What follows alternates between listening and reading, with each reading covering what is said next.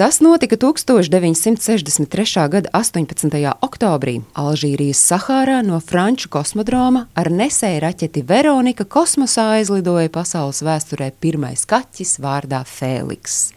Francūži cenšoties realizēt paši savu pilotējumu lidojumu programmu, par izmēģinājuma trusīšiem bija izvēlējušies kaķus.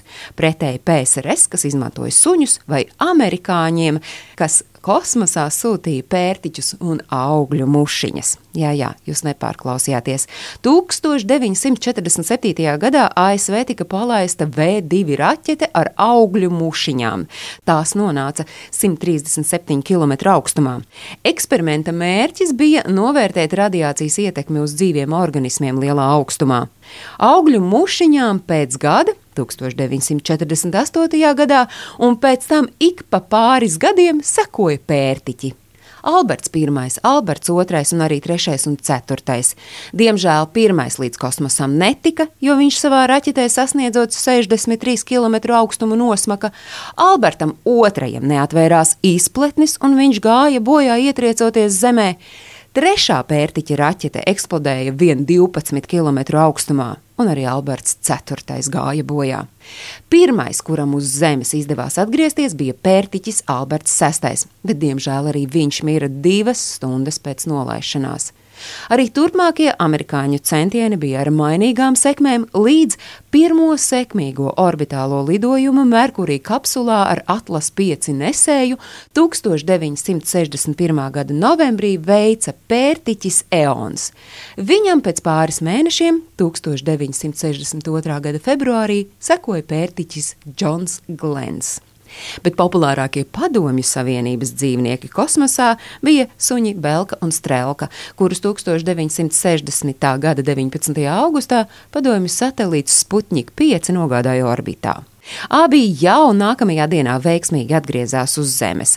Lai gan 50. un 60. gados padomju zinātnieki kosmosā palaida vismaz 57 suņus, dažu dzīvnieku vārdi pasaules vēsturē ierakstīti īpašiem burtiem. Belka un Strelka nebija pirmie suņi kosmosā. Viņi tikai bija pirmās uz Zemes dzimušās radības, kuras atgriezās dzīves. Sākumā suņiem bija jālido Zemes orbītas ietvaros, un pirmie šādi trusīši bija suņi Deziks un Čigants, kuri 1951. gada 22. jūlijā lidoja aptuveni 100 km augstumā. Pirmā suņa, kurš lidojas atklātajā kosmosā, gods pienākas kucītei laikai, kura 1957. gadā no lidojuma diemžēl neatgriezās. Savukārt Belka un Strelka kosmosā devās kopā ar pelēku trusi, 42 pelēm, divām žurkām, mušām un dažādām sēnēm. Pēc atgriešanās Strelkai piedzima seši kucēni, no kuriem Pušoks piedalījās vairākos ar kosmosa izpēti saistītos eksperimentos, tomēr orbītā nereizi nelidoja.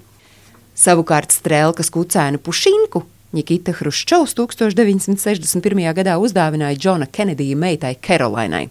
Augstā kara laiku nedaudz sasildīja romāns starp Pušinku un Kenedijas suni Čārliju. Viņiem piedzima četri kucēni, kurus Kenedijs esot dēvējis par pupņikiem.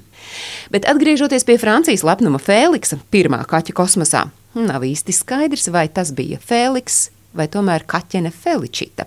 Toties ir zināms, ka viņš bijis viens no 14 klaiņojošiem kaķiem, ko uz ielas paņēma kosmiskajiem pētījumiem. Pēc ilgstošas badošanās viņi spēja pārciest tādus eksperimentus kā ievietošanu barokamerā vai centrifūgā. Citiem vārdiem sakot, viņiem bija jāiziet visa tā pati sagatavošanās programma, kas kosmonautiem. Tiesa, desmit kaķi šai misijai izrādījās nederīgi. Viņi esot pārāk daudz ēduši.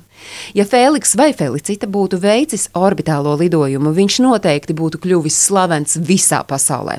Bet franču raķete pacēlās tikai 200 km augstumā.